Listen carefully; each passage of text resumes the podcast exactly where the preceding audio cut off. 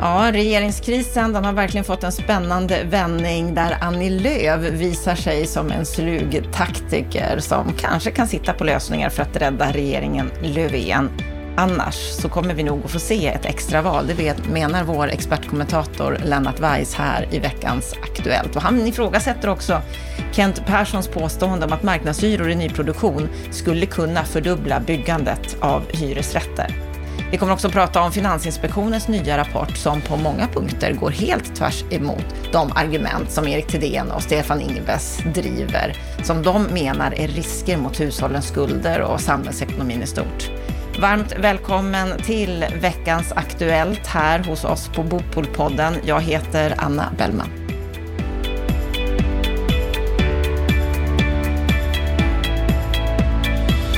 Det är onekligen spännande läge i vårt land just nu med regeringskris där ju en bostadsfråga har varit orsaken till denna kris. Vad säger du om regeringskrisen just nu så här dagen före midsommarafton, Lennart Weiss? Eh, ja, det här är ju fortfarande extremt svårt att, att, att se slutet på än så länge. Det tog en dramatisk och mycket spännande vändning igår. Man får ju säga att Annie Lööf och Centern är ju sluga strateger eh, och taktiker. Taktiker i den meningen att man vänder alltså misstroendevotumet mot regeringen till att eh, så att säga eh, att lägga ansvaret på, på oppositionen, att det är de som har fällt förslaget om marknadshyror. Det är ju en väldigt slug argumentation, taktiskt oerhört smart. Men sen vänder hon ju det till en strategisk fördel då, Annie Lööf, genom att sen lyfta fram ett antal villkor för Centerns fortsatta stöd till regeringen där hon ju lyfter fram klassiskt liberala borgerliga frågor som sänkt inkomstskatt och hon väljer ju till och med att provocera finansministern genom att eh, föreslå sänkt skatt på ISK-sparande i ett läge när eh, Magdalena Andersson alldeles nyligen har föreslagit höjd skatt. Det är en ren provokation. Och det är en medveten provokation. Hon tror ju inte att hon kommer att få gehör för den ståndpunkten utan genom att skicka fram den så markerar hon en borgerlig ståndpunkt och så räknar hon med att hon ska få något annat. Så det här är alltså taktik och strategi på en väldigt avancerad nivå. När vi läser Aftonbladet och Lennart, eller Lena Melin så håller hon inte alls med där. Hon menar att Löfs räddningsaktion misslyckades, att Sverige ser ut att gå mot nyval. Att Centerledaren Annie Lööf gör sitt yttersta för att hjälpa Stefan Löfven, men att det här fungerar inte för att hon inte får med sig Liberalerna. Ja, det är väl den värderingen hon lägger i det hela. Alltså, det är klart som sjutton att det skulle vara bekvämare för Centern om man hade med sig Liberalerna, men jag har väldigt svårt att tro att Annie Lööf trodde att den, att den manövern skulle lyckas därför att det skulle ju ha, ha förlöjligat Liberalerna fullständigt. Då skulle de alltså för två veckor sedan ha aviserat offentligt att de avser att lämna januariavtalet och satsa på en borgerlig regering efter nästa val och sen två veckor senare förnya januariavtalet. Det hade ju varit politisk harakiri, helt omöjligt. Men den här räddningsaktionen, om det är det man ska kalla den för, den kan ju fortfarande lyckas därför att om du räknar mandaten i riksdagen så har alltså S, C, V, MP 175 mandat. Med den nya konstitutionen så ska alltså en majoritet av riksdagens ledamöter rösta emot en sittande statsminister eh, eller en föreslagen statsminister. Då måste de ha 175 mandat, men de har bara 174. Så att eh, det finns faktiskt en, en lövtunn eh, marginal för Eh, Löfven om det är så att de här fyra partierna kan enas om att, eh, att, att inte rösta emot honom. Så att det räcker ju med att, att eh, sossar och, och, och miljöpartister aktivt röstar för och att vänstern och centern lägger ner sina röster, då finns det inte 175 röster emot. Så Lena Melin räknar antingen fel eller så övervärderar hon Liberalernas betydelse för, för hela konstellationen och, och regeringsbygget.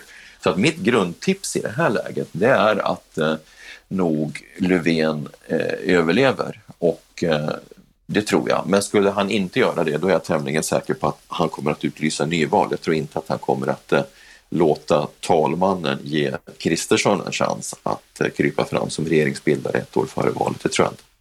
Så antingen överlever han eller så får vi se ett nyval? Ja, det är vad jag tror. Men vi får se, det kommer ju vara mycket, oj oj, jag menar de som är inblandade i det här, de kommer ju inte få någon särskilt lugn och trivsam midsommar, det kan man ju konstatera. Om vi tittar på själva sakfrågan, vad det här egentligen handlar om, marknadshyror i nyproduktion. Är det en fråga som är så pass stor att den ska fälla en regering? Nej, naturligtvis inte. Det, jag, jag kan ju tycka att både motståndarna och eh, anhängarna överdriver den här frågans betydelse alldeles oerhört. I varje fall sett i sin helt konkreta utformning. Förslaget innebar alltså eh, marknadshyror i nyproducerade bostäder. Om vi då pratar om förstahandsuthyrningen och begränsar oss till det. Jag vet att anhängarna menar att, att, ny, att det här förslaget skulle ha så att säga evig verkningskraft men det var inte vad punkt 44 i januari överenskommelsen eh, eh, stipulerade, inte alls. Utan om vi pratar om förstahandsuthyrningen så är ju skillnaden mot dagens eh, antingen presumerade hyror eller bruksvärdessatta hyror eller egensatta hyror ytterst, ytterst marginell. Ytterst marginell. Så att, men det som, den stora påverkan och som gör, ger, ger, frågan sin sprängkraft, det handlar ju om förhandlingssystemet, att man liksom successivt sätter det ur spel. Och det är jag ganska säker på att det är det som har varit fastighetsägarnas strategiska mål med, med att driva den här frågan, för det är de som har drivit den i kulisserna och fått de politiska partierna att plocka upp den. Det är det som har varit det strategiska målet, men det vill man ju inte prata om helt konkret och öppet. Är den här frågan, tror du, död i och med det här? Kommer att kunna genomföras marknadshyror i produktion? Nej, nu skulle jag nog säga att eh, nu har ju Annie Lööf förklarat frågan så att på det sättet så har ju Hyresgästföreningen vunnit en, en eh, väldigt betydelsefull seger. I varje fall kortsiktigt. Sen har jag en känsla av att den här frågan kan återkomma i annan skepnad senare. Eh, I varje fall så är det ju ganska mycket som talar för det. Alternativet skulle vara att man sätter sig ner och sansat tittar på Eh, hyresrättens samlade förutsättningar, det vill säga förhandlingssystemet, bruksvärdessystemets utformning och så vidare. Och jag har ju själv varit delaktig i den debatten och föreslagit ett antal åtgärder som skulle kunna få systemet att fungera i enlighet med sitt ursprungliga syfte, det vill säga med tydligare marknadsmekanismer och en bättre balans mellan parterna på hyresmarknaden. Det vore ju den bästa lösningen för den skulle vara långsiktigt eh, hållbar. Men eh, kommer man inte dit, då kommer man säkert tillbaka till den här diskussionen och den typen av överdrifter som jag kan se att man gör sig skyldig till i, i media och har gjort det de senaste dagarna. En som berättade i Svenska Dagbladet här, häromdagen, det var Kent Persson som menade att Heimstaden, de skulle kunna öka sin produktion markant med 50 procent om det infördes marknadshyror i nyproduktion. Vad säger du om det? Eh, kan det få en så stor effekt? Ja, vi har, eh, vi har faktiskt erbjudit Kent Persson att, att konkretisera det påståendet i eh, debattartikelform och redovisa hur beräkningsgrunderna för det påståendet men han har än så länge valt att tacka nej och sagt att han kanske återkommer senare. Jag är helt övertygad om att det inte går att visa med någon form av faktamässigt underlag utan det skulle jag nog påstå är ett ganska så politiskt laddat uttalande. Det är ju tvärtom så, och det vet ju Kent Persson också, att, att eh, det är väldigt svårt att eh, driva en hög produktion hyresrätter utan subventioner. Om du pratar om hyresrättens förutsättningar ute i landet så drivs ju eh, hyresrättsproduktionen där i väldigt stor utsträckning utav investeringsbidragen och även Heimstaden tar emot investeringsbidrag och driver en stor del av sin produktion på den premissen. Och i storstäderna så drivs hyresrättsbyggandet av mycket, mycket kraftiga markrabatter som naturligtvis inte skulle kunna delas ut om man har marknadshyror. Så att i båda ändarna utav marknadsskalan så är det ju någon typ av ekonomiska subventioner som driver hyresrättsbyggande. När vi tittar på, på, på, på bostadskonsumenternas preferenser så visar alla undersökningar att man föredrar att bo i ägt boende, i bostadsrätt eller villa. Så att eh, vare sig preferensfaktorn eller den ekonomiska faktorn talar för det Kent påstår, men han är välkommen att visa ett underlag för, för sitt påstående. Det, det vore spännande att ta del av i vilket fall som helst. En annan som har kommenterat detta med marknadshyror det är Åsa Bäckman, DN Kultur, 22 juni. Vad säger du om hennes resonemang? Alltså, hon lyfter ju fram en, en, argumentation på en kultursida som ju vittnar om att bostadsfrågan kanske är på väg att bli en bredare politisk fråga. För hon skriver så här, många av de som nu sluter upp runt Nooshi Dadgostar tillhör den generation som fått ovanligt tuffa förutsättningar. De lever med osäkra anställningar som bromsar deras möjlighet att låna pengar. De, om några, vet hur mycket en bostad påverkar vardagen. men måttlig hyra kan de enklare växla, eh, kan de enklare växla liv, skilja sig, bryta upp, studera. de här unga menar, att allt, menar allt mer ihärdigt att billiga bostäder är något som ett samhälle måste kunna erbjuda. Jag tror att den opinionsrösten kommer att bli starkare i debatten. Det är bara ett problem. Det går inte att leverera eh, billiga hyror eh, för unga människor utan att skapa någon typ av särlösningar. Antingen får man införa social housing av kontinentaleuropeisk modell eller så måste man helt enkelt styra återstoden av de billiga bostäderna som finns i beståndet till ungdomar. Och det finns det ju exempel på. Jag tillhör ju själv de som tycker att eh, den här modellen som tillämpas av Stockholms bostadsförmedling där man, tilldelar, där man avdelar en del utav eh, de, de förmedlade bostäderna till ungdomar eh, Eh, med tidsbegränsade kontrakt. Det är en modell som jag tycker man skulle kunna öka. Det finns ingen anledning att förmedla alla bostäder efter kö, så att säga, efter kötid.